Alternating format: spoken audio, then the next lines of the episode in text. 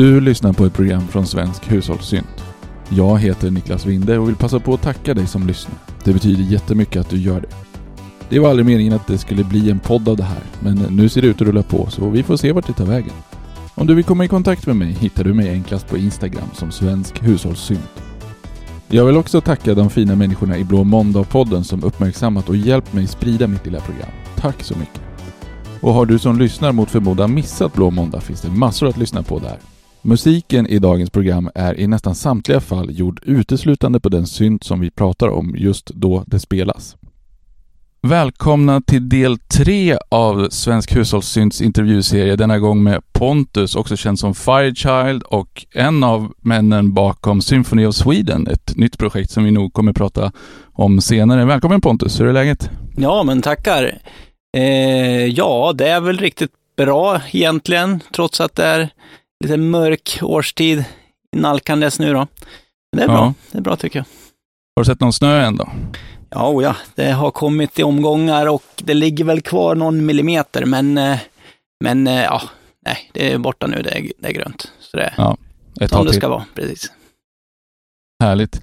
Ja, vi rör oss ju lite grann runt landet i den här eh, intervjuserien. Förra veckan var vi i Skåne och nu lite längre uppåt. Mm. Det är kul. Eh, som förberedelse till den här intervjun idag så gick jag in på din eh, YouTube-sida där du har spenderat ganska mycket tid på att göra ett antal schyssta demos. Men då hittade jag faktiskt en eh, filmsnutt jag inte har sett. En studio tour på, på din eh, lilla hörna där hemma. Yes. Mm. Eller det är ju inte en hörna, det är ett helt eget hus. Kan du berätta lite? Ja, det var faktiskt så här att eh, vi flyttade norrut från Stockholm där för, vad blir det nu då, 12 år sedan, 09 och eh, då var väl tanken att jag skulle flytta, flytta min musikverksamhet till, till Norrland, för jag höll ju på och hade lite studios och lite artistkarriär i Stockholm då på den tiden, men eh, ja, grundtanken var väl ändå att vi skulle satsa lite mer på, på, på frugans karriär och min syssla skulle vara lite tvåa så att säga. Men eh, vi byggde ett, eh, ett, eh, en carport då med med tanke på att jag skulle kunna spela in lokala band. Så det är, det är ett kontrollrum, maskinrum och ett live-rum faktiskt i, i lokalen här. Och sen visade det sig att dels behövde jag hjälpa till på hennes företag. och dels är väl musiker inte egentligen de bästa klienterna ha, för de det är liksom tajta budgetar och det, var liksom ingen bra business. Så att eh, det blev att jag fick det här som en lyxig eh, privat studio istället. Så att, eh, mm. ja.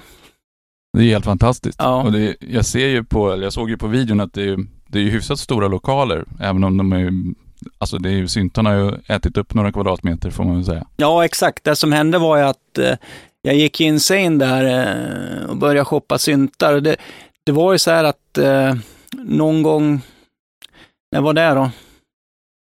0456, när det var liksom in the box som gällde, då sa mina studiokollegor, eh, att man, jag satt som ett studiokomplex i Stockholm, äh, men köp inte syntar, ju bara bort det. Så jag sålde av de jag hade och jag hade ju ganska många på den tiden också. Det var ju 106, MS20, MS20 djupt 8, eh, Andromeda, eh, Prophet 5 och så vidare. Så de sålde man ju precis innan eh, det stack iväg. Eh, och, för att det lät ju lika bra i, i burken. Men, men det tyckte jag inte ens då. Men, men jag sålde ju av, vilket var dumt. Men sen så, första synten jag köpte efter den liksom dumma grejen, det var Profet 08, när den blev eh, ja, en av de första ny polyanalogerna som kom. Och då bara, men jösses, det är ju så här det ska låta. Och eh, ungefär i samband med flytten till Norrland så, så började jag att köpa på mig lite grann igen. Eller ja, det gick ju insane kan man väl säga. Så ja, eh, från, från noll till, till 3000 på, på några, några år där. Och det positiva var väl ändå att eh, jag hann ju före den här sjuka piken som är nu då. Så att ja. eh, jag har inte köpt liksom CS80 för 400 000 till exempel, eller ja, vad som helst. Jupiter 8 för 300 har jag inte heller köpt. Nej, Nej, alltså det senaste jag såg pris på en Jupiter 8 var väl typ runt 100 000, men det är ju ändå några år sedan så att den har säkert Ja. stuckit ännu mer. Jo, men det tror jag. 100, det är nog, det är kompispris idag det. Är det så? Lätt, ja absolut. Och jag köpte min, kan jag säga nu, när kan det ha varit då? 2012 kanske? Då är det min tredje Jupiter 8 jag köper. För den första jag hade köpte jag för 9000 av typ Lustans Lakejer killen. Eh, Eh, men den sålde jag ganska snabbt för den hade inte midi. Det var liksom innan man fattade att man kunde stoppa i midi. Och sen så den jag sålde då, 04 någon gång, det var väl för 15 000 kanske. Men då då, 12-13, då köpte jag min för 50. Och för att killen ville inte säga, och då sa jag så här, ja men det här är all time high, det är liksom worldwide. Ja, jag vet, jag är nöjd. Ja, du får köpa den. Och så, så var det. Men det var ju en bra investering nu, tio år senare, var ju, det var ju bra pris. Ja, alltså alla de där sticker ju iväg och det kommer nog bara Mm. bli ännu värre, åtminstone de närmsta åren.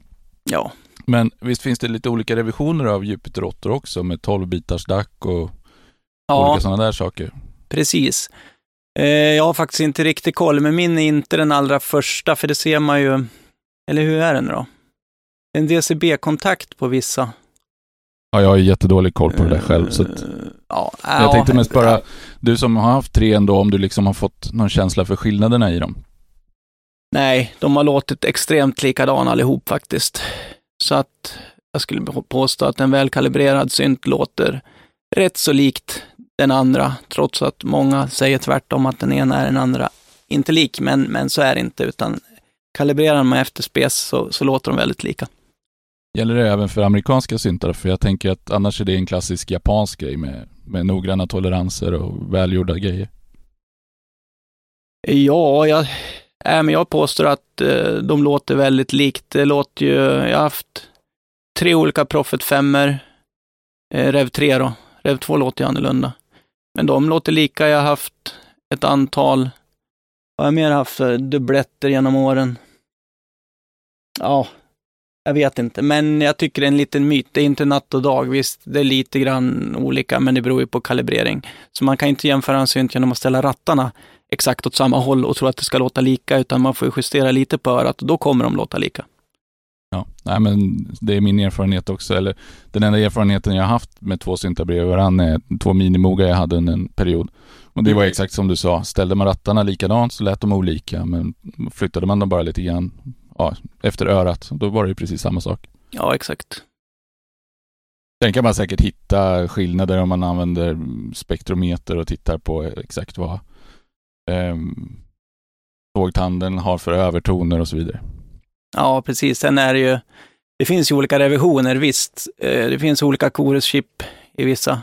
Ja, precis. Men då är det ju skillnad. Då blir det ju skillnad, så är det. Ja, och minimogarna har lite olika oscillatorkort och filterkort och vad det är. Yes. Men eh, en synt som jag såg specifikt på eh, filmen och som jag ser på bakom dig nu på videochatten här är ju din Prophet 10 med två klaviatur. De är lite knepiga att komma över. Ja, det är, det tycker jag är en underskattad synt. Den tycker jag ska vara dyrare än Juppen, Jupiter 8, men, men eh, är det 600 exemplar tror jag? Worldwide tillverkade, så det kanske är 150 levandes. Det är mycket ja. ovanlig synt. Den är egentligen lika ovanlig som, eh, de CS8.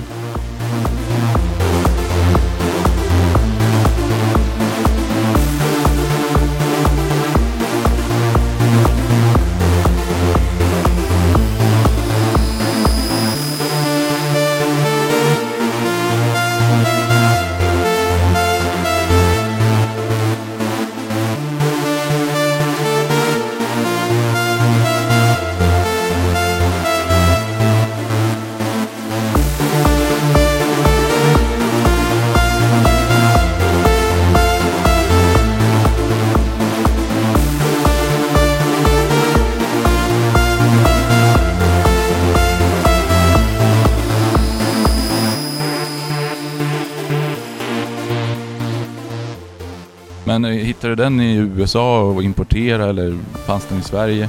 Ja, det sjuka var ju att eh, den dök ju upp på eh, det här fina syntnördforumet 99 Musik.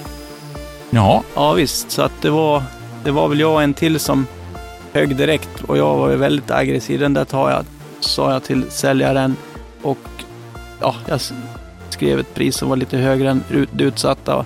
Ja, där gäller en kvart om du stänger affären och så fick jag den. Och eh, då var den inte fullt fungerande utan eh, ena syntparten var, var död. Så det var, det var mer ett Profit 5-pris då, så att säga. Men, men det var ju inte jättesvårt att fixa till faktiskt. Jag fick igång delvis själv genom att öppna och trycka dit lite kontakter och sen så fick eh, nog eh, Rickard Latvala kolla lite på den. Och sen, ja, den fungerar fint nu. Härligt. Mm. För det är också en sån där sak som jag tog upp förra gången jag pratade med Jesper lite grann. Det här med att man har mycket vintage-syntar och Mm. rädslan för att de ska paja och sånt där. Men du, du tvekar inte att öppna huven och kolla lite? Eh, alltså, basic-grejer kan jag kolla på lite själv. Har väl läst lite kretskortsscheman och så vidare, men eh, installera några midi-kit. Men eh, är det lite krångligare då, då har jag en, eh, en servicekompis som jag kör grejerna till.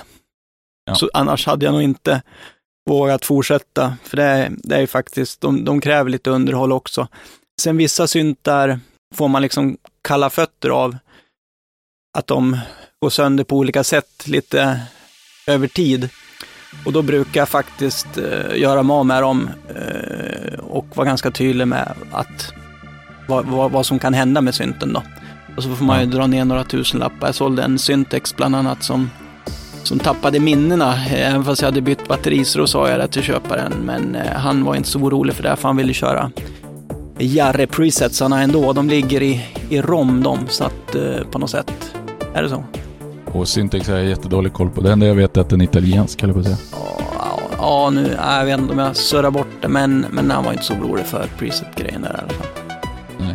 Den är väl inte jättekomplicerad att programmera heller. Så man Nej, kan ratta in det man behöver. Ja, exakt. Nej, men den, den är egentligen riktigt, riktigt, riktigt nice faktiskt. Eh, Med, men eh, den är, den är ju känd för att vara opålitlig och, och mitt ex var verkligen svajig. Oreset dog också så jag skickade kretskortet till, till Virtual Music, tror jag de heter i Österrike. Fram och tillbaks några gånger och till slut började det funka igen då. Så det var en oscillator som dog. Ja, det var mycket, mycket krångel. Så det är väl Syntex som, som har krånglat mest om jag ska vara ärlig. Sen hade jag en VP330 vokoder stråksynten Roland som, som jag fick kalla fötter på eh, för Dividern dog och då kunde jag byta den med en Corey Delta. Divider var samma. Eh, och det började funka igen. Men, men om man, ah, man får kalla fötter även fast man lagar grejerna så, så kan vissa, ah, den här kommer nog lägga ner igen. Det finns måndag 6 out there. Men eh, Ja. annars är det peppar peppar faktiskt.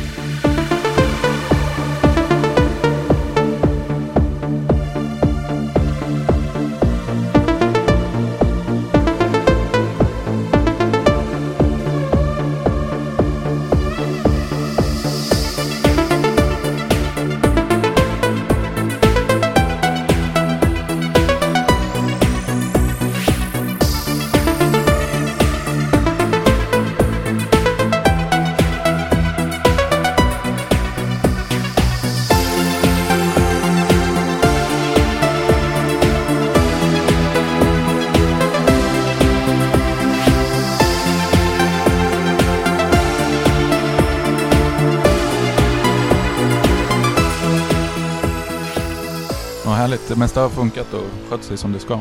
Ja, det är det. Och folk garvade väl när jag köpte CS80 för en 8-9 år sedan, men, men den har fungerat bra. Jag behövde tuna den två, de två första åren och då gör jag det på mitt i sommaren när det är 35-40 grader ute, tänkte jag säga. Så att det är riktigt varmt i studion för att eh, den behöver egentligen tunas i, i 60 grader liksom, eftersom det är där det blir när, när man stänger locket igen. Ja, just det. Ja. Det är också en aspekt att Ja. den får en viss temperatur med huven öppen och ett annat... Ja, just det. Det har jag inte ens tänkt på. Nej, så att, och den har ju ingen uh, autotune-rutin eller någonting, så den, den måste man ju liksom stämma.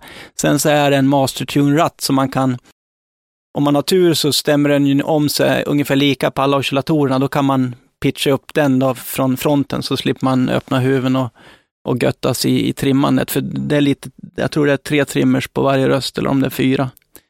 Eh, ja, det är på varje oscillator tre minst. Det är, det är 16 gånger 3 trimmers, 48 trimmers man ska dutta på. Och sen en oscillator drar sig lite mer, så, men den har jag lärt mig, liksom, den måste jag tuna lite högt när jag tunar, sen, för den kommer ramla tillbaka sen när jag lägger på locket. Liksom. Så det, det, är en skön apparat, men den är jag inte stämd på, inte vet jag, fem år i alla fall. Den funkar. Så nu håller den sig? Ja. Men det måste väl acklimatisera sig lite grann? Det ja, exakt. Var det inte Gordon Reed på Sound on Sound som köpte en sån här GX1 som fick stå i hans garage en månad innan han vågade lyfta in den hemma? Ja, precis. Den fick han tag på i Australien. Ja. Ja, helt otroligt. Kap förmodligen. Säkert. Ja, ja, men det är roligt med de där bästarna. De har ju sitt eget liv. Det som hade hänt med min eh, precis innan köpet var ju att uh, den hade fått midi. Kenton midi, så den kan ju ta emot på uh, extern poly after, touch då. Så det var lite kul. Så det var förmodligen lite grann det att uh, de hade roddat lite i den så att, så att den behövde stämmas lite i början där. Okej. Okay. Men det var ju kul, fick jag lära mig det också. Ja, ja, precis. Det är alltid nyttigt med någon lärdom sådär. Men jag tänkte på det här med midi och sånt där. Du, alltså i dina videos så spelar du ju för hand um, på alla instrument. Ja, precis. Det är ju, på videosarna, det är ju egentligen 80-tals playback. Ja, det är inte något live-ljud på videosarna faktiskt, förutom några där jag säger att det är live, utan men jag, jag kan ju spela liksom. Jag har ju en, vad ska man säga, hur många år blir det? 8-9 år som klassisk piano. Den får man ja, det, var väl... faktiskt, det var faktiskt en av mina frågor om du är klassiskt skolad. För ja, det, det ser ut som att du verkligen kan det där. Jo då, men det, jag kan faktiskt spela de här, vad ska man säga, de första klassiska pärlorna man får lära sig, det är ju då, ja, förutom Fyrelista, alla turka och Månskenssonaten och, och lite sådana där sonater. Så att, eh, ja, nu vet jag om jag, jag kan inte dem utan till längre, men, men visst, jag gick igenom det där racet. Mm. Mm. Sen så blev det väl roligare efter gymnasiet att göra nya egna låtar än att, än att göra cover-pianolåtar. Mm. Precis, men då har du ju liksom känslan i ryggen och ackorden i fingrarna så att säga. Ja, men lite grann så. Sen så inom syntpoppen så, så ska det ju vara ganska basic så att mm, ja, det, det är väl inga eh, vad ska man säga, piano, piano virtuos grejer som jag demar, men men jag kan nog spela lite bättre än, än vad som syns om man skulle ja. pressa mig. Men det som jag uppskattar med dina demovideos är ofta att du använder en synt i samtliga ljud. Det är många som, som många ska säga, men det händer ju att folk gör demovideos här och så säger de alltid den här utan trummorna är den här synten. All, eller alltid den här utan trummorna och basen och cymbalerna. Ja, exakt. Och då, blir jag så här, då, då måste man ju sitta och tänka bort det med hjärnan. Men du, du gör ju verkligen all, liksom, allt på en synt. Ja, det uppskattar jag jo, jättemycket. Absolut, det tycker jag är väldigt sjukt, för det är många kommentarer. Ja, hur gjorde du trummorna? Var kommer trummorna ifrån? Ja, all sounds by den synten liksom, så att man ju repetera det. Så nu har jag börjat skriva inc inclusive drums. Så att, eh, mm. eh, ja, nej men absolut, allt ska gjort, vara gjort på den och vissa syntar som är liksom maffiga på pads så kanske är lite tamare på på snärtiga grejer, då, då blir det en utmaning och låten faller väl lite om, om inte bitet sitter, så att det är en utmaning.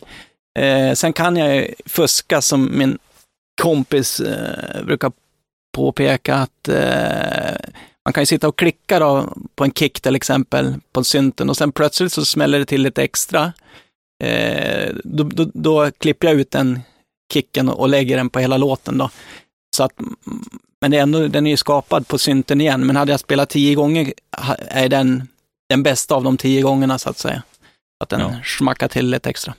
Men det är ett klassiskt trick, eller ett problem när man försöker göra just trumljud på syntar, att oscillatorerna startar inte om för varje gång du trycker på tangenten. Så du måste ju hitta det optimala tillfället i vågformscykeln för att starta Ja, exakt. exakt. Om, om, inte synten har den featuren, ja. som till exempel min Sub 37 som jag har här, den, den kan ju starta om oscillatorn på mm. varje tangenttryck. Eller på en modular så kan du göra det med synkingången. Exakt. Ja, det har jag men, precis. Men jag tror inte att en Syntex har det till exempel. Nej, inte. Nej, det tror jag inte. Nej. Det är just den har ju extremt speciella oscillatorer. Det är ju varken VCO eller DCO. Eh, så det är någon egen teknik där, men, men eh, jag tror man generellt kallar dem för DCO, men de är, de är inte lika stabila som en DCO, så det är ganska fränt faktiskt. Ja, och sen så går väl gränslandet mellan VCO och DCO är väl också lite specifikt för att om det är en VCO som hela tiden autotunas av en dator så blir det ju på sätt och vis en DCO fast det är en VCO.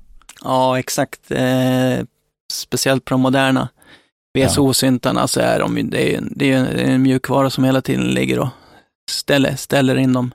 Så att, ja, ja, då är det nästan DSO tycker jag, men, men, men digitalt kontrollerad. Ja, det, det känns som en eh, träskmark man inte ska ge sig ut i för då riskerar man att fastna i något sumpkärl. Ja, exakt. Men eh, apropå moderna VCO och DCO-syntar så jag vet att jag hade en Moog One hos dig ett tag. Mm. Men den bor inte kvar. Nej, hade du luskat reda på det alltså? Nej, jag vet ju bara att, eller jag har ju sett en video att du har en och sen så såg jag i din studio att, att, att du inte hade den. Mm. Precis. Ja, det kanske var utlånad. Nej, faktiskt, det var så här att eh, jag tyckte ju faktiskt att den eh, kunde låta superbra. Eh, och jag hade liksom min egen Firechild Init patch där jag la ner en, nästan en dag och, och, och göra liksom grundpatchen med, med tre, eh, tre sågtänder liksom.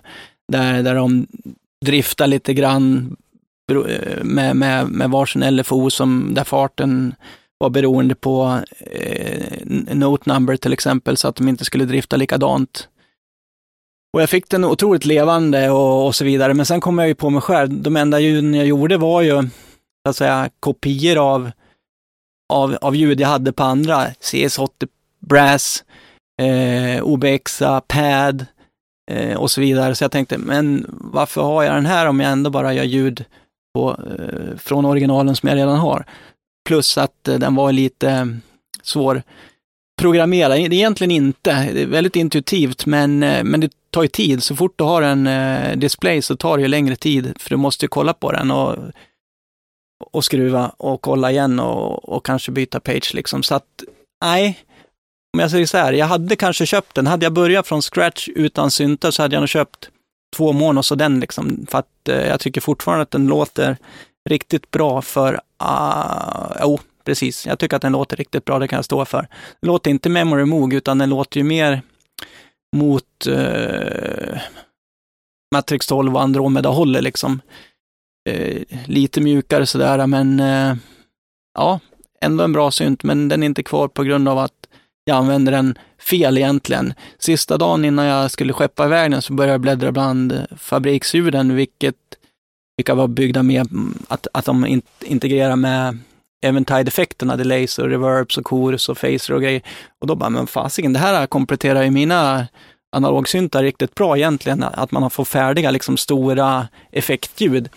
Så då, så då bara, hmm, fan, den är ju ganska nice om man hade använt den så, men jag har ju liksom haft någon dogmaregel att nej, inga effekter, synten ska låta som den gör och sen eventuellt lägga på lite reverb i mixen. Men chorus är förbjudet att lägga på liksom och, och så vidare. För då, då hör man inte, du tappar liksom karaktärer på synten och hela grejen med speciellt Firechild-kanalen var ju att bevisa, eller visa hur, hur synten låter i, egentligen. Då. Ja. Så att, eh, ja, den kanske kommer tillbaks någon gång i tiden, eh, någon variant. Så den styrka var egentligen de här lite större kombinerade ljuden och mer än, än dess egen karaktär så att säga? Ja, faktiskt.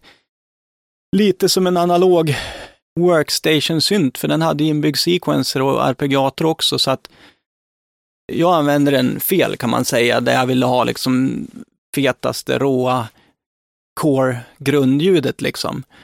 Eh, liksom en, jag vill ha en eh, ARP 2600 bas på Moog Nej, det fick jag liksom inte till.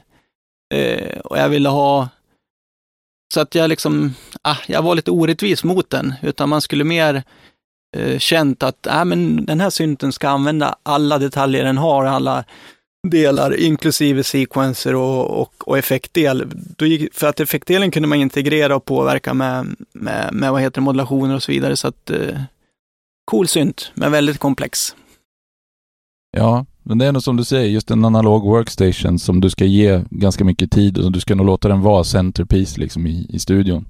Exakt. För att den ska komma fram ordentligt. Ja. Och det, jag tycker det märktes, de hade ju ett antal sådana här ja, men nästan en timmes filmer med ingenjörerna som hade gjort den och, och även de som hade programmerat fabriksljuden. Där de stod och gick igenom vad de hade gjort och varför och allting sånt där. Jag vet jag kollade på en, ett par av dem där och, och, och alltså det finns ju hur mycket som helst att dyka ner i den där maskinen. Ja, nej, det är helt, den är helt sjukt komplex, eh, det är det ju. Sen, sen när man har många syntar, då måste varje synt vara enkel för att eh, även fast man förstår sig på en synt så går man tillbaks till den om fyra veckor så har du ändå glömt bort vilka skiftfunktioner du skulle göra, till exempel PPG Wave 2 där då. Superhäftig, men man fick ju sitta med manualen för att göra ljud, för att eh, displayen visar ju bara funktionerna med förkortningar på två bokstäver liksom, och så ska man komma ihåg vad allting betyder. Och då blir det inte intuitivt att göra ljud när du ska sitta med en perm. Och efter, visst, har du suttit tre dagar, då kan du den. Men väntar du två veckor, då har det ju gått, då får du börja om med, med, med permen, med, med manualen. Ja. Och lite grann så är det med en, eh, den här Voyetra 8 som jag har. Eh, låter hur bra som helst. Det är ju, det är ju Curtis eh, VSO med SSM-filter, så det är en unik kombination. Den racksynten som var med på Blue Monday-låtar bland annat. Den är också så, den är ju extremt komplex och, och, programmerad. Du behöver liksom sitta med manualen. Fast den låter så coolt så jag har den kvar, men det blir ju inte att man använder den så mycket. Man, man kör sina fyra, fem ljud man, man gjorde initialt. Ja, eller om man sätter sig och programmerar den en vecka så att man har en arsenal att ta av. Ja, exakt. Det blir det är lite så när jag gör en demolåt. Då får jag mina tio ljud eh, på den synten som ligger kvar och då, då blir det att jag bläddrar bland, bland dem och eh, lite tråkigt, men, men ibland så fyller ju den funktionen då. Man får till något super, superljud som man kan återanvända också. Ja, men är det någonting du brukar göra? Att du sätter dig ner och har så ljudprogrammeringssessioner eh, under några timmar utan att ha ett specifikt syfte färdigt med dem? Eh, eh, Svar är nej, utan det blir ju eh, när man är nykär och ska göra en låt till, till Youtube-kanalen då. Då blir det att Ja. man sitter i, i några dagar och gör ljud och gör låten. Men sen så har jag väldigt få programmeringsdagar. Speciellt nu när jag börjar med det här andra projektet som jag har med Symphony of Sweden där det är mer rockbaserat. Då är det ju liksom, eh, det ska liksom gå framåt. Jag kan inte sitta och mysa och göra ljud i flera timmar utan det ska ju produceras och bli klart. Så Ja. att där blandar jag och ger även med, med vissa eh, soft, eh, softisar faktiskt. Det gör jag. Så Ja, inte- men ja. eh, allting som tar, med, tar dig närmare målet måste ju vara tillåtet att använda så att säga. ja, exakt. Eh, Men när jag tänkte på det här med komplexa maskiner och sånt där. Jag, jag älskar ju komplexa maskiner, men bara om de är enkla att förstå. Så att man inte liksom, ja men som ett klassiskt exempel på en sån är Matrix 12 eller Expander. Mm. Den är ju väldigt enkel att förstå och, och det är ju det är ingenting, du behöver inte sitta med manualen framför dig när du jobbar med den som, som med PPG som du nämnde. Mm. Utan har man väl en gång förstått arkitekturen så är den ju väldigt snabbanvänd och, och lätt att förstå sig på. Ja. Nej, eh, på Expanden, jag har ju en Expander och den kör jag faktiskt med den här franska killens eh, eh, mjukvara då. Mhm. Så för att dels tyckte jag att Expanden, eh, det surrar ju lite grann från displayerna. Och jag har en sån här Ja. supertyst studio, så jag har faktiskt stoppat Expanden i maskinrummet. Ja, jag såg det på filmen. Jag tänkte fråga varför den tacken fick vara där ute. Ja, precis. Och det var dels för att den surrar lite grann och dels för att jag ändå liksom hanterar den med, med den här mjukvaran som jag inte... Explorer heter den faktiskt, en fransk kille. Explorer, så den är ju suverän eh, PC-only i och för sig, men eh, och då, får, då, då ser man ju egentligen hur enkel synten är. Det är ju en tvåoscillators synt med, med ett antal filter och sen så modulation som man väljer i, i, i menyval, eh, rullista. Så att det är ett riktigt fint program och den programmerar jag ju från, från hårdvaran själv från början, men eh, det är klart bökigare. Men, men kan man det så, så går det nog nästan lika fort. Ja. Men den här mjukvaran, den pratar midi med synten helt enkelt bara. Ja, precis. Och det är tvåvägs in och ut då, så det går att jag på synten så, så uppdateras mjukvaran också. Så det är inte bara så här dummy, dummy programmering utan det är tvåvägs och eh, den fungerar riktigt bra. Det hade jag inte ens hört talas om. Det, det var faktiskt nytt för mig. Det är, det är samma mjukvara till både Expanden och Matrix 12. Då. Man, jag tror man väljer vid ja, i meny vilken, vilken det är man har av dem. Ja. Mm. Jag hade ju en expander för många, många år sedan och byggde med en egen CV-gate sequencer av ett eh, industristyrsystem som jag använde för att styra den där. Den har ju sex CV-gate-ingångar och en för varje röst. Yes. Eh, så det är väl en av få låtar jag har gjort med samma synt på alla ljud. Men den lyckades jag faktiskt krama ur lite schyssta trummor och, och grejer, trots att denna mjukvaruenvelope som skulle vara ganska slöa då. Ja, exakt. Oh, den är väl egentligen rätt slö, men, men eh, ja, precis. Nej, jag tycker också den har, det går att få till sköna noise snares på den bland annat, om man kör eh, bandpassfilter. Det, det har du rätt i. Riktigt ja. coolt faktiskt. Nej men precis, det är just det att man måste välja ett visst filter för det, de, dels överdriver de på vissa sätt och får vissa övertonsspektran som, som ger olika, som är bra för olika ljud helt enkelt. Mm. Men hur kom det sig att du blev intresserad av syntar då, liksom? Att det blev just det som... Eh, ja, nej, men det blev jag extremt enkelt för att eh, 84 var jag 10 år och det året var ju helt sjukt bra som introduktion till, till synt, syntar för att det var ju det var ju Alphaville och det var Depeche som släppte sina respektive bästa album, Forever Young respektive eh, Some Great Reward. Och eh, när jag hörde först People Are People som en kompis spelade in på kassettdäck eh, så bara jädrans vad bra. Och sen så lyssnade jag på, på tracks någon timme senare och hörde Master and Servant och bara wow! Och sen så när jag fattade att det var samma grupp, eh, då, då var jag helt såld på Depeche. Och sen så var det någon äldre tjejkompis som spelade Kraftwerk, eh, Computer World då. Den kom väl 81, så jag var tre år för sen på den, men, men de tre grejerna gjorde väl att man var tvärfast i det. Och sen så kom min moster med med, med Jarres Equinox Oxygen på varsin sida på ett kassettband. Så då, det var liksom, det var inget snack om saken. Då var det syntar och, och syntar var ju liksom coolt. De, det var ingen som gömde dem, utan man hade ju en synt på scen och så det var, det var liksom, det var inga konstigheter. Nej, och sen har du varit fast i det träsket sedan dess då? Ja, jag är tvärfast. Jag, eh, jag tjatar väl på pappa som, eh, som eh, lyckas spara ihop till en Juno 106 som jag fick då när jag var 12, då, 86. Så det var väl, det var min första synt. Jag hade haft en keyboard innan då, en Yamaha PSR 50. Men, men det, ja, nej men sen, sen blev det, ja, var det som blev fokus i livet ett tag där då.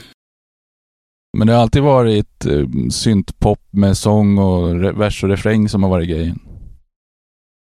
Ja, exakt. Jag har inte alls lyssnat så mycket på experimentella prylar, utan nej, det är liksom synt med inriktning på, på melodi liksom. Jag hade ju, ja, instrumentalt också, Jarre och Vangelis, men, men eh, Vangelis var ju en väldigt stor favorit några år också på strax efter gymnasiet var väl det.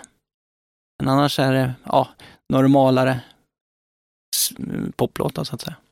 Ja, mm. och när, när började du göra egen musik och ge ut så att säga? Ja, nej, men det började ju då. Det var ju det som var så kul med hela synt, vad ska man säga, eh, genren, att, att alla kunde ju i princip, det var lite grann som punk, alla kunde ju starta sitt eget syntband, för, för det var ju lite grann som att trycka på en knapp så, så, så spelar trummaskinen en trumrytm som, som, som lät bra. Eh, så att eh, vi började direkt. Jag hade ett band eh, när jag var 12 då, som hette Pontus och Skåningen, eh, där, där vi körde instrumentala syntpoplåtar i, i liksom en hybrid av Jarre och Depeche liksom.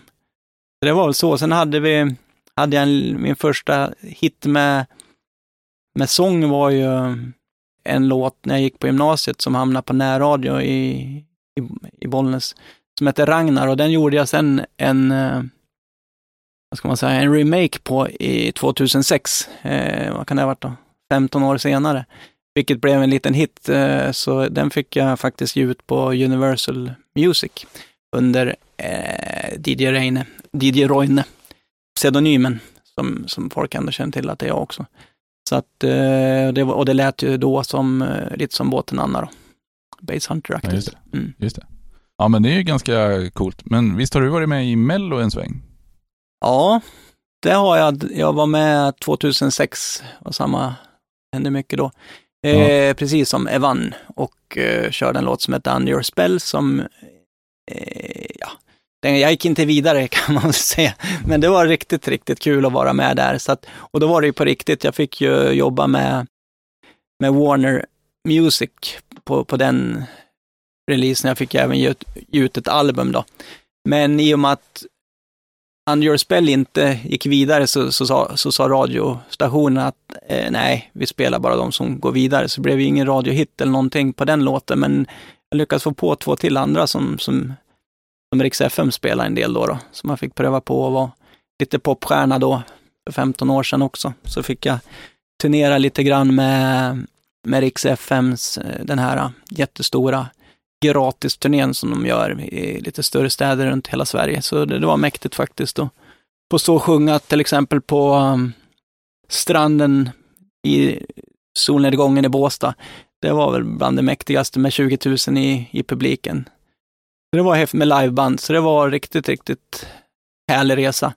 Men sen fick jag ju barn eh, samtidigt då 2006 och då tyckte väl vi att vi skulle ändå flytta tillbaks till Norrland eh, och eh, ja, och jag hade ändå fått pröva på min dröm, så att jag var lite nöjd med popstjärneriet då. Och sen, ja, dog ju den, man säger, det benet ut i och med att vi drog till Norrland. Man tappade lite kontakter och kan inte gå på kändisfester och hålla sig känd och, och så vidare. Så att, eh, men det är inget jag ångrar att jag flyttade ändå. Jag, jag, ska jag vara ärlig så brann jag inte för att stå på scen och vara sådär eh, säga, exhibitionistiskt eh, som man behöver vara för att vara frontfigur.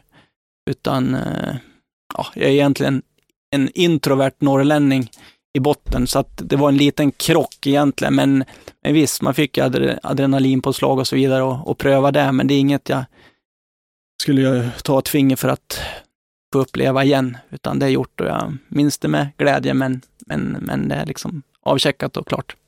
Men det för oss ju osökt in på ditt nuvarande projekt som du satsar ganska hårt på ändå. Och det måste väl vara med syfte att komma åt det hållet ändå? Lite livespelningar och sånt där. Alltså Symphony of Sweden pratar vi om nu. Ja, precis.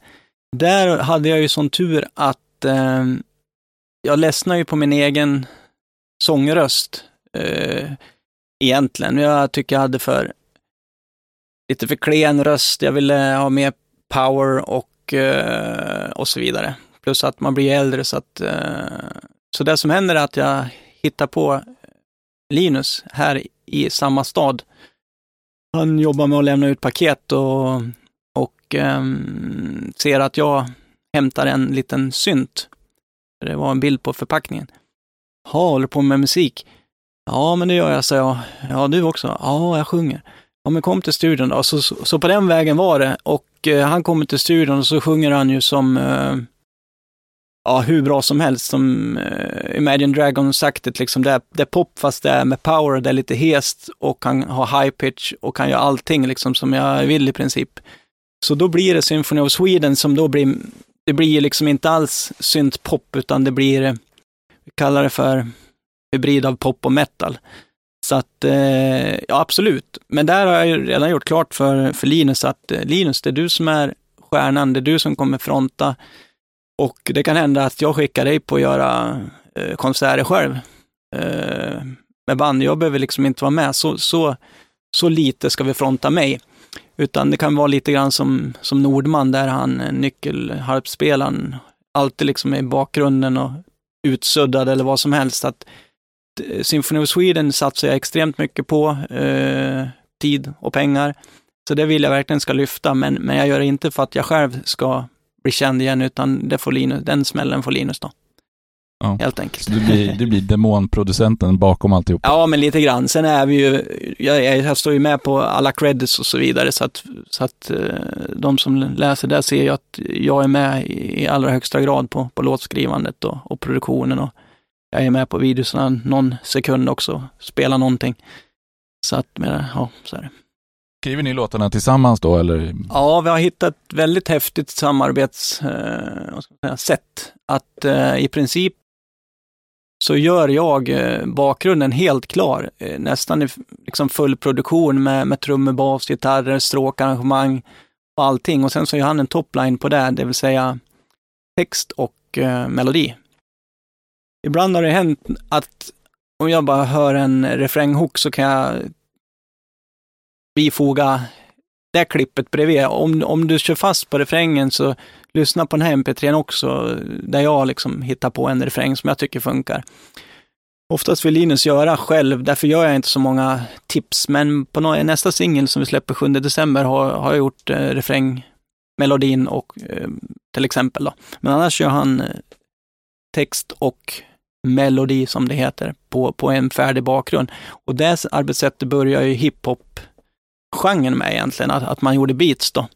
Och så rappar de ovanpå och lite grann har vi applicerat det i, i vad ska man säga, kommersiell pop metal också då, att, att man kan göra en bakgrund eh, först och sen lägga på melodi och text. Men eh, det som hände sen var ju att eh, vi kände, ja men det drar ju, det, det, blir nästan mer metal än, än det vi tänkte från början som var lite mer radio, radiopop, Imagine Dragons-aktigt. Så nu har vi samarbetat mycket med en kille med ett Jim som, som lirar gura på riktigt. Då. jag gör bara så här basic power chords grejer själv. Så nu har vi fått ytterligare ett metal-element, eller man ska säga, där, där han kan göra mer eh, riff-betonade grejer också som, som tar det till en, till en ny nivå. Och eh, vi kör även med en eh, äkta person som lirar trummor. Så att, eh, nej men det tror jag på och vi släpper album nu 3 februari så att vi får, får ge det lite tid. Men eh, jag tycker det rullar på liksom sakta men säkert. Sen vill man ju ha en logaritmisk kurva på det där, att, att öka på som bara den mer och mer. Men, eh, ja, men det är kul, det är spännande. Jag tycker det är roligt att du, att du tar klivet från syntpop till någon sorts power metal-variant. För det, det, är ju en sak att producera syntgrejer när man har rattat syntare i 20, 25, 30 år. Och en annan att få ett schysst gitarrljud. För det enda jag vet om schyssta gitarrljud är att det är jävligt svårt att få till och att folk som håller på med det är petiga som attan. Ja, precis. Grejen är att eh, 80-talet, man skulle vara hårdrockare eller syntare och det var ju givet val för mig, men första plattan jag lyssnade på och, och gillade, det var ju faktiskt The Number of the Beast-plattan eh, med, med Maiden.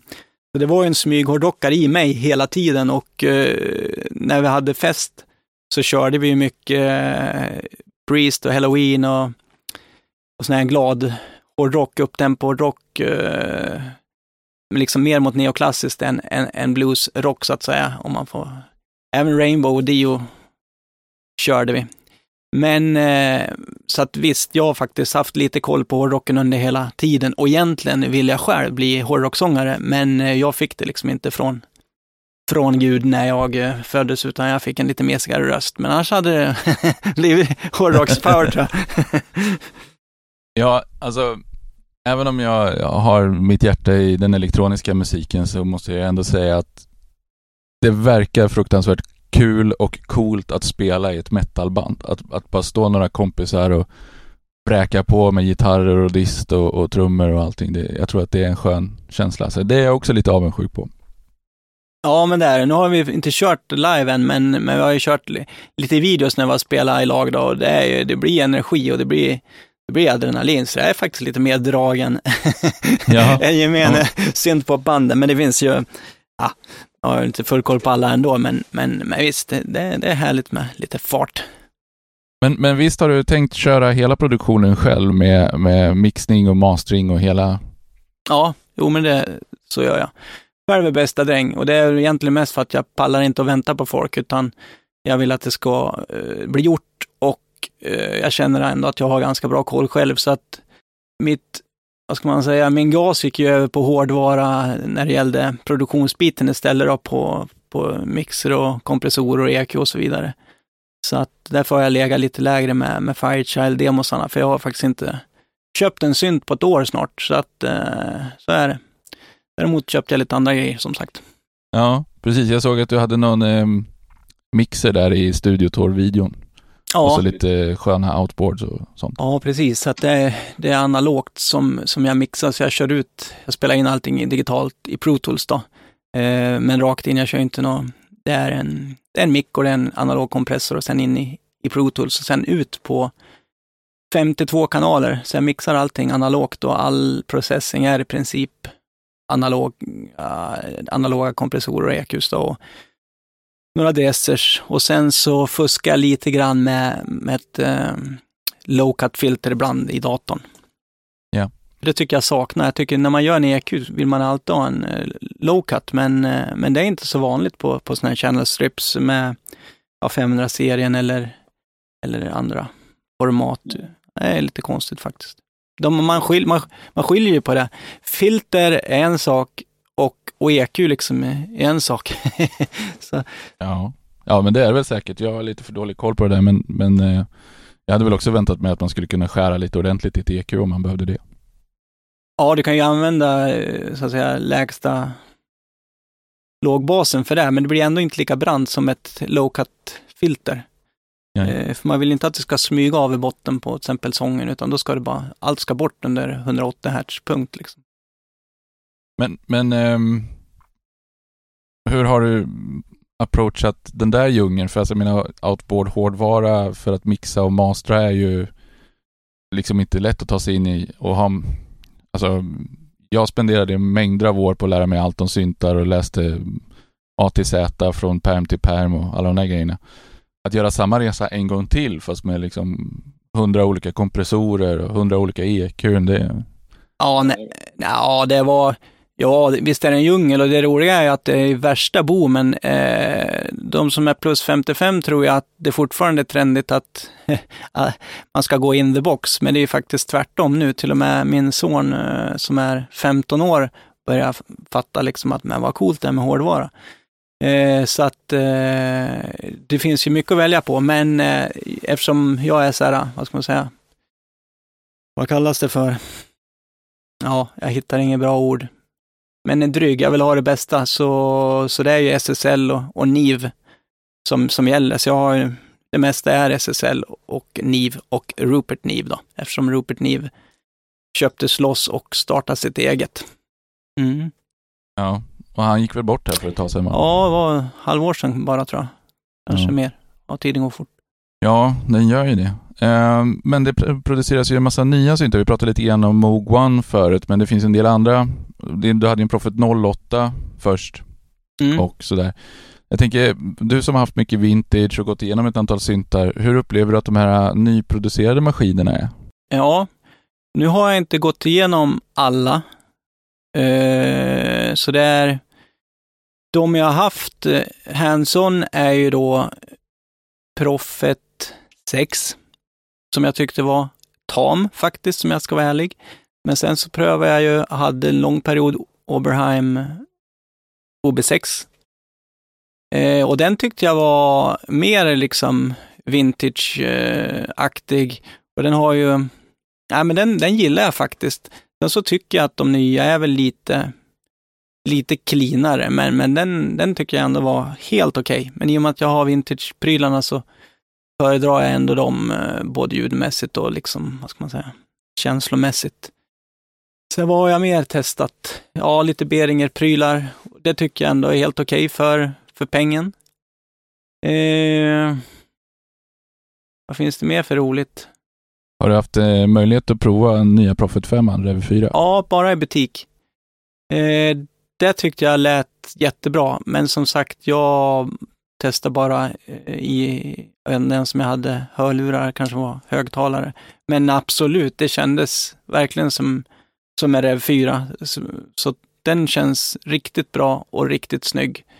Så den hade också varit på inköpslistan förmodligen direkt om jag hade suttit här utan syntar idag. Ja. Sen är den ju mono också, det är lite knepigt tycker jag. Mm. Ja, men, precis. men då är vi tillbaka till det där lite grann, hur mycket ska göras i själva synten? Ska den ha en massa effekter som, som breddar den och krånglar grejer, eller ska den bara vara en synt? Ja, jag tycker ju basic, ja, för jag, jag har väl fördomen att ett reverb inbyggt i en synt är inte bättre än mitt Bricaster liksom ändå, så att eh, jag vill inte betala för den inbyggda effektenheten, för jag kommer inte använda den. Det är min grundinställning, vilket var lite fel när det gällde Moog One som vi pratade om. Där, där jag tyckte det var en cool integrering ändå med effekterna. Men sen, visst har du haft en Waldorf Wave också, såg jag någon demofilm på. Yes. Eh, men den är också lite mer sån här centerpiece-grej som ska kunna en jäkla massa olika saker. Ja. Eh, Den var ju också så här lite läskig att äga eftersom man kände att den var riktigt dyr. Vad kommer hända? Kommer diskett, diskdriven liksom lägga ner? Kommer den låsa sig? Kommer den fungera? Min fungerar ju superbra, men att eh, det var också lite mycket display-tittande plus att eh, den var ju då, det, det var ju fläktar i den då. Så den lät ju lite mer och det, ja, det går lite bort för mig det. Även Syntexen hade ju fläktar. Så att eh, det var, men det var ju en riktigt mäktig synt. Eh, men jag ångrar faktiskt inte att jag inte har kvar den. Den användes liksom för lite. Fast den var brutalt snygg. Det är väl en av de snyggaste syntarna som har gjorts. Jag hade ju min i, i Shadow också, där, där faceplaten var eh, Shadow och scrolldjuret var ju, tror jag, grått istället för rött. Det är inte så snyggt. Men, eh, men min version var riktigt, riktigt fin. Men sen i Waldorf alltså, kända för att inte göra klart sina OS också, så det blir ju alltid lite Mm. väntan på att buggar ska fixas och så. Precis, där blev det ju att, eh, jag tror inte det blev öppen kod, men det var ju han, eh, det är en tysk som, som privatperson som tog över utvecklandet. Så att operativet är uppe på 1.92 tror jag och, och den slu, Valor slutar väl själva vid 1.5 liksom, så det har hänt väldigt mycket på den faktiskt, eh, på operativfronten. Eh, Ja, det är så, så det är bra. faktiskt otroligt coolt och de har de spårar liksom användarna, så när man säljer synten ska man anmäla att man blir ny ägare då. Så man får liksom lite någon form av support, så det är verkligen en eldsjäl. Nu har jag glömt bort vad han heter, men jag tror det är något på något med Werner, men jag är inte hundra på det. Ehm, sen finns det ju en annan känd tysk tillverkare som, som du nämnde lite snabbt här, Beringer. Mm. Ehm, jag har fått för mig att du har haft något litet samarbete med dem Mm.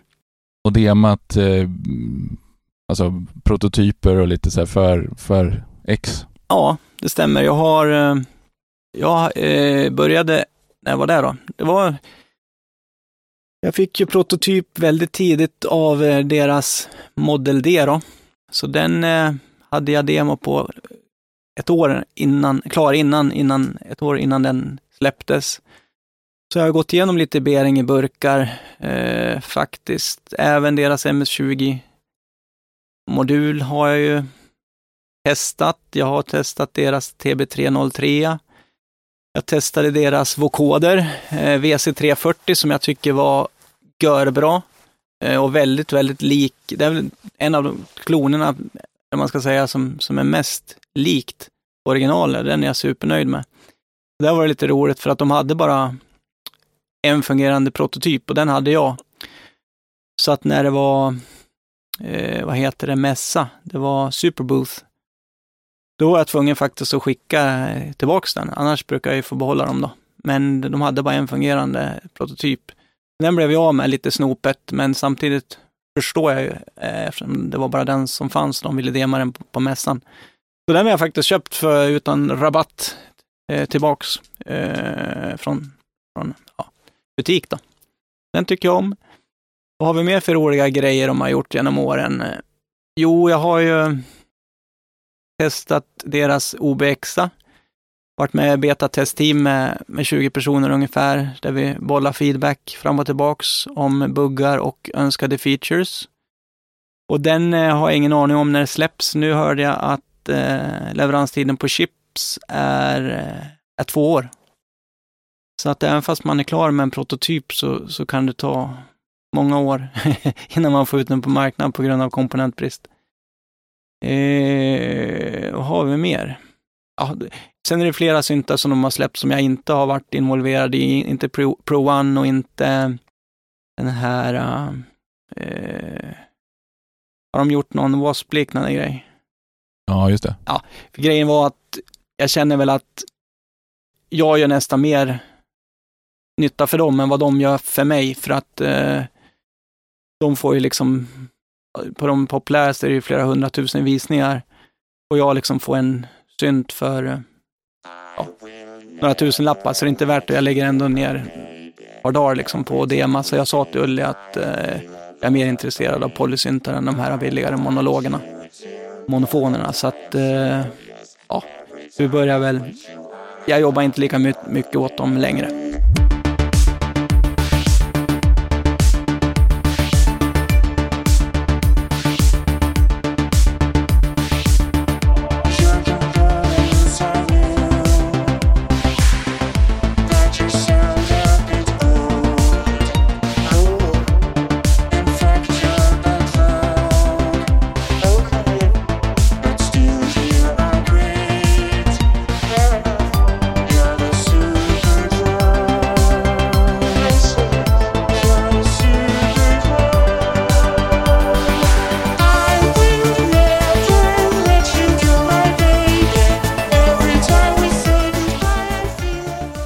Kom, hur kom det sig att du började? Hörde han av sig Uli och sa tjena, jag behöver lite hjälp här. Du verkar vara duktig. Ja, det var faktiskt, nej, så var det inte. Utan det var en annan kille som, eh, som tipsade om mig. Eh, nu är jag jättetaskig för jag glömde bort vad han heter precis. Eh, och på det sättet kom jag med i ett betatestteam, eh, ett generellt betatestteam som inte var liksom Eh, för en specifik produkt. Då. Så då fick jag skriva på ett avtal där man har tystnadsplikt och så vidare.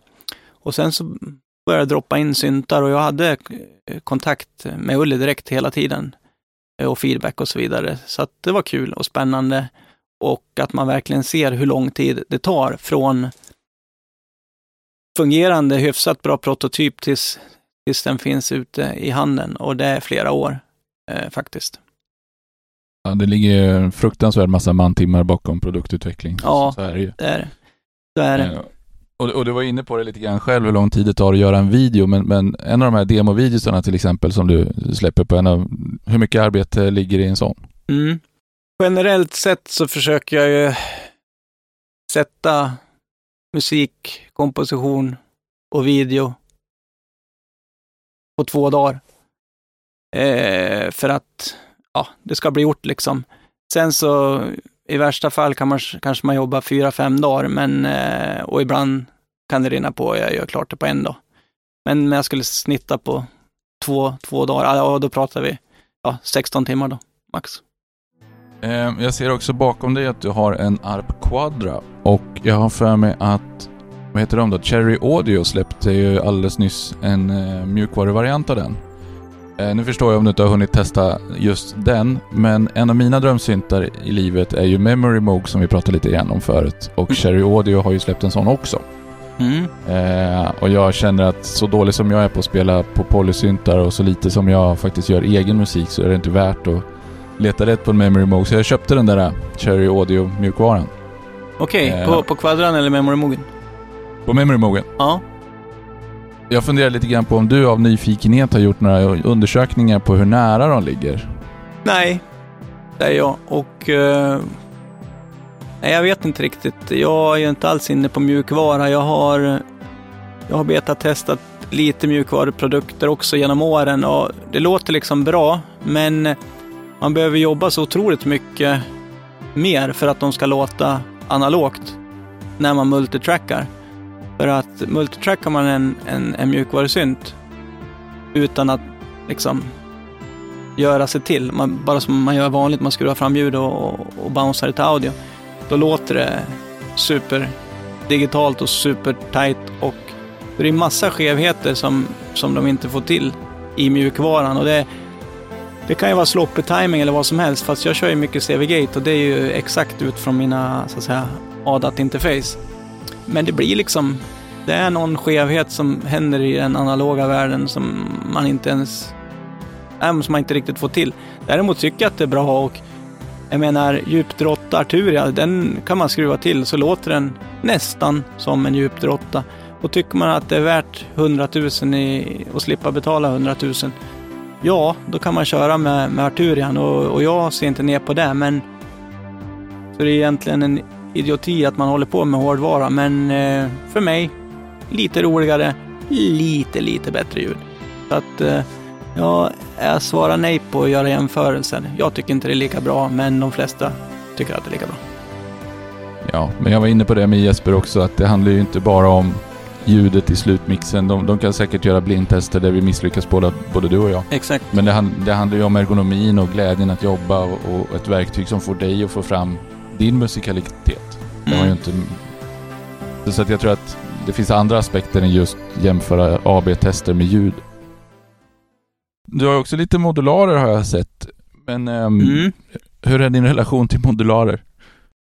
Jo, men det är väl bra. Jag... Eh, egentligen så kan man väl säga att eh, jag trodde det skulle vara ännu brutalare ljud i dem. För man hade ju nå liksom de här Moog-modular från, eh, från sent 60-tal, att när man bara körde en oscillator på dem så flög man bakåt och liksom var så tungt och maffigt ljud som man dog. Men så var det väl inte, men det är ändå... Eh, jag blev riktigt hooked där faktiskt ett tag.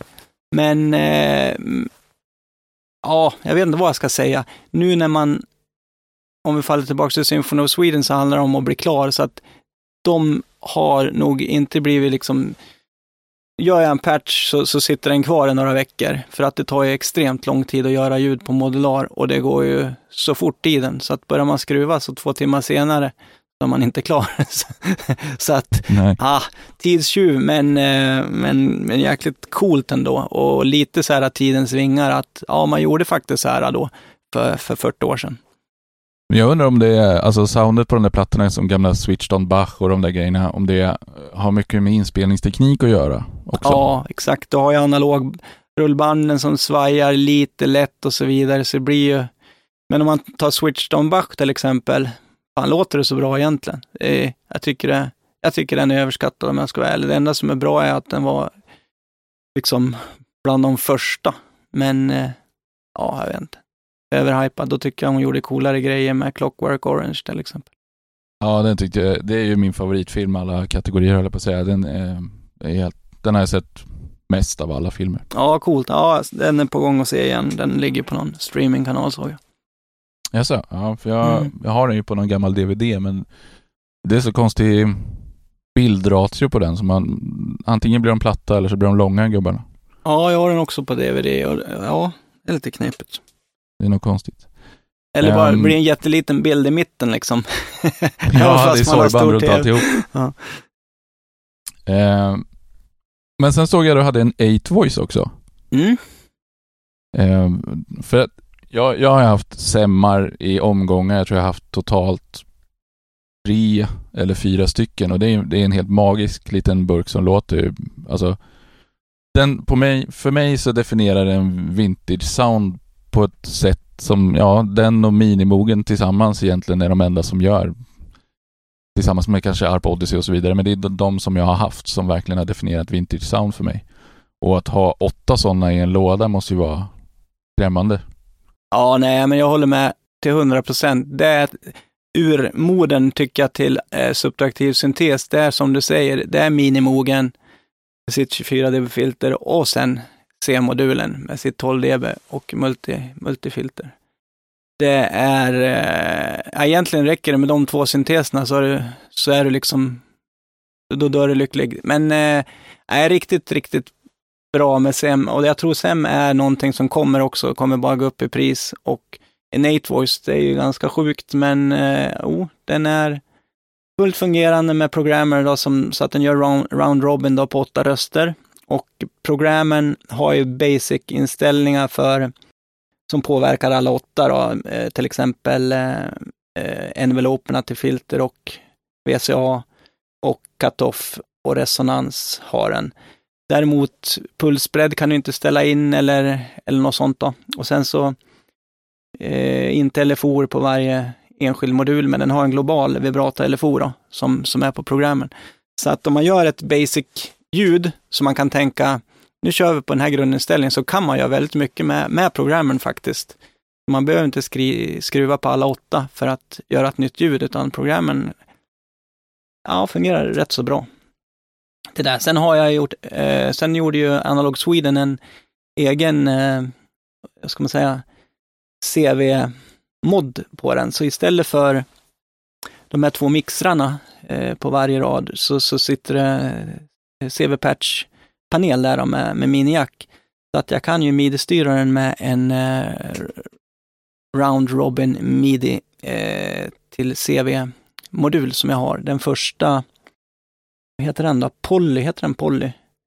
Polskt företag. Eh, så att det är, det är åtta kanalers Round Robin på den och det är även Velocity till midi, midi, midi Velocity till, till filter till exempel. Så att eh, det är coolt.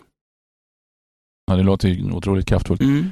Kan man eh, på varje SEM justera lite grann från den inställda till exempel eh, filterkartoffeln? Ja, exakt. Det är, den, eh, så är det. Utan eh, programmen adderar ju bara värde till de där uh, semarna. Så att, så att varje sems ratt, det overridas inte utan det läggs till. Så att du kan skruva hur, hur, olika ljud på varje sem som helst och sen så adderar du ytterligare från programmen då. Yes. Så om programmen ska funka med hyfsat neutrala röster så måste alla ha rattarna inställt likadant då? Exakt. Så är det. Fränt. Mm.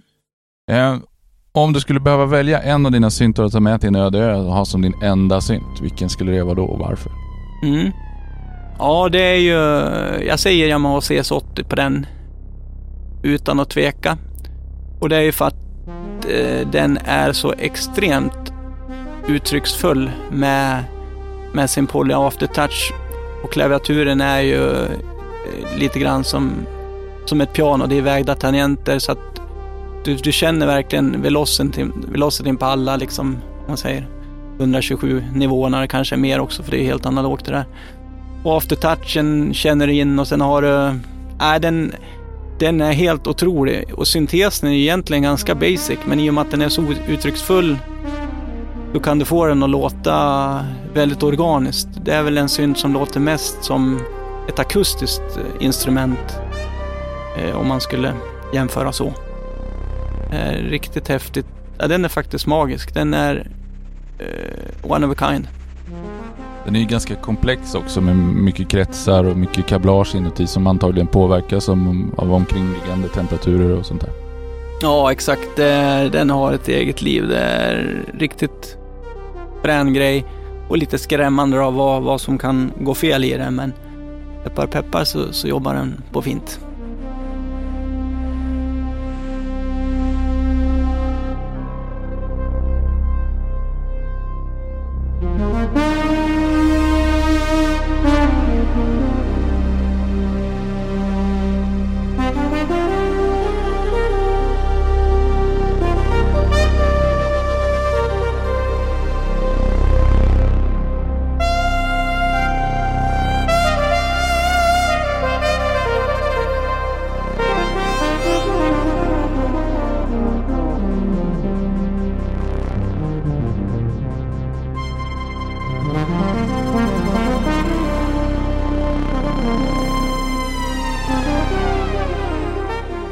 Inne på det lite grann i början med stämning och sånt där. För jag, när jag hade gamla minimogar så upplevde jag ju att de hade lite humör. Så att om jag spelade in, eller jag rattade in ett ljud ena dagen och så spelade in det och så ville jag göra om någonting i arrangemanget och spela in det igen dagen därpå. Utan att ha rört någon av rattarna så lät den inte likadant. Mm. Jag upplevde att den liksom, den skiftade lite feeling på, på dagsbasis. Och det, det beror väl på skiftande luftfuktighet och temperaturer och alla möjliga konstiga grejer. Ja, absolut. Men... Och den är levande. Sen så, eh, vad heter det, hade jag problem med min eh, Minimoog att eh, den tog väldigt lång tid, typ 45 minuter innan den tunade in alla oscillatorerna. Men då tog jag den till min servicetech i Stockholm som, som gjorde någonting. Om man pillar ner något, något motstånd närmare, närmare någonting så att de behöll värmen på något sätt då, då blev den eh, stabilare. Så nu stämmer den ju till sig typ direkt. 5-10 minuter så, så är det bara att köra. Det är massa sådana här små tricks eh, med de här grejerna och det beror ju på hur komponenterna sitter. Det är, det är därför det är spännande med, med surface mount versus through hole och så vidare. Så, så ja, någonting gör det med, med avstånden på, på kretsarna, sjukt nog. Ja, men jag tror, jag tror att det där är mm, större än man tror för att som vi pratade om SEM förut, jag var nere eh, på Schneidersladen i Berlin och testade lite syntar. Och då stod det, en, för jag har alltid velat ha en two voice bara för att ha två semmar i en burk och kunna spela på. Det tycker jag skulle vara tillräckligt kraftfullt för mig som en gammal monosynt-snubbe. Men eh, jag upplevde att den, det är de nya semmarna i den nu då. Och, och, jag tyckte inte att den lät alls likadant. Jag fick inte alls samma känsla när jag spelade på den. Nej, vi har, eh, AB-testat eh, Vintage Sem och ny Sem då. Och ä, även fast ny Sem låter superbra så kan man säga att eh, Vintage Sem låter krämigare. Den har, jag vet inte om det är lite mer mättat ljud, men, men en ny Sem låter lite stickigare. Den, diskanten är liksom lite, vad man säga, eh, fräsigare fast på ett lite obehagligare sätt.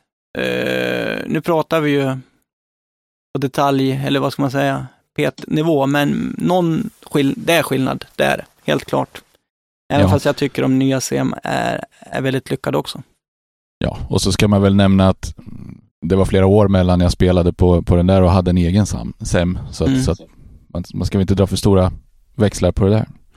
Men all musik som du producerar och dina videos och sånt där, var hittar du inspiration till det här? Hur får du, hur får du ut dig så här mycket så här fort? Ja, jag tror inte jag är något extrem produktiv, men, men eh, det handlar ju om att sätta sig ner och ge det chansen att det går trögt liksom en timme, men sen rinner det till förr eller senare och det, och det är den, vad ska man säga, tryggheten du ska ha, att, att eh, det kommer något förr eller senare. Man får, jag kommer inte ihåg om det var, var det Benny eller Björn som sa att man sitter och väntar på att liksom, draken ska komma och då tar man han. Så att eh, jag, jag har inget, inget tips eller tricks. Eh, går det riktigt trögt så kan man ju faktiskt lyssna på någon låt som man tycker är bra och, och kanske ta liknande ackordföljd eller någonting. Det händer väldigt sällan faktiskt, men eh, någon gång har jag gjort det och, och, då kommer man liksom vidare på det. Sen när, när det gäller eh, Symphony of Sweden, då har jag ett speciellt sätt. Då börjar jag med trummorna. Så att eh, om jag gör något trumkomp eller hittar något trumkomp på, på Youtube eller något som bara är trummor. Sen så får man feeling av det och sen så börjar man liksom komponera ackorden och produktionen, så, så det är coolt. I och för sig så börjar många med, med ett beat, så att eh, det är väl inget nytt i sig, men, men förmodligen är det lite annorlunda när man jobbar med, med rock, att man börjar med ett tomt beat. Ja, ja kul att höra. Um, så avslutningsvis då, vad är aktuellt i ditt liv med Symphony of Sweden? Är det något särskilt som händer snart? Du nämnde lite skivsläpp där i början, tänkte du kunde ta de datumen igen som avslutning på det här. Ja, perfekt. Jo, Symphony of Sweden släpper en ny singel den 7 december som heter Will She Fight. Och eh, där har vi gjort en ganska skön video på eh, ett eh, riktigt skönt ställe som är Ja, det är en gammal eh, järnmalmsfabrik. Eh, så riktigt coola väggar och maskiner och grejer som, som är med på videon. Och ja, schysst ljus blev det, för det var så här lysrör i taket som gjorde att allt blev bra, utan att man behövde rigga ljus själv. Sen så har vi ett album som är helt klart, då, men det släpps 3 februari. Eh, som kommer heta Saints of Yesterday, så att det eh, hoppas vi rullar på ute i vida världen ordentligt. Ja, det hoppas vi verkligen. Men då ser vi till att släppa det här avsnittet den 7 eh, december också då, så att det blir lite ja. samkört. Ja, grymt. Du, eh, stort tack för att du tog dig tid att vara med här. Det var jätteroligt att prata med dig och få lite insikter i hur du jobbar och dina syntar och allting sånt där. Så ja, tack men för grym. idag. Ja, tack själv för att eh, du ville kolla med mig och prata lite. Ja, det var jätteroligt. Mm. Ha det bra. Ja, detsamma. Hej.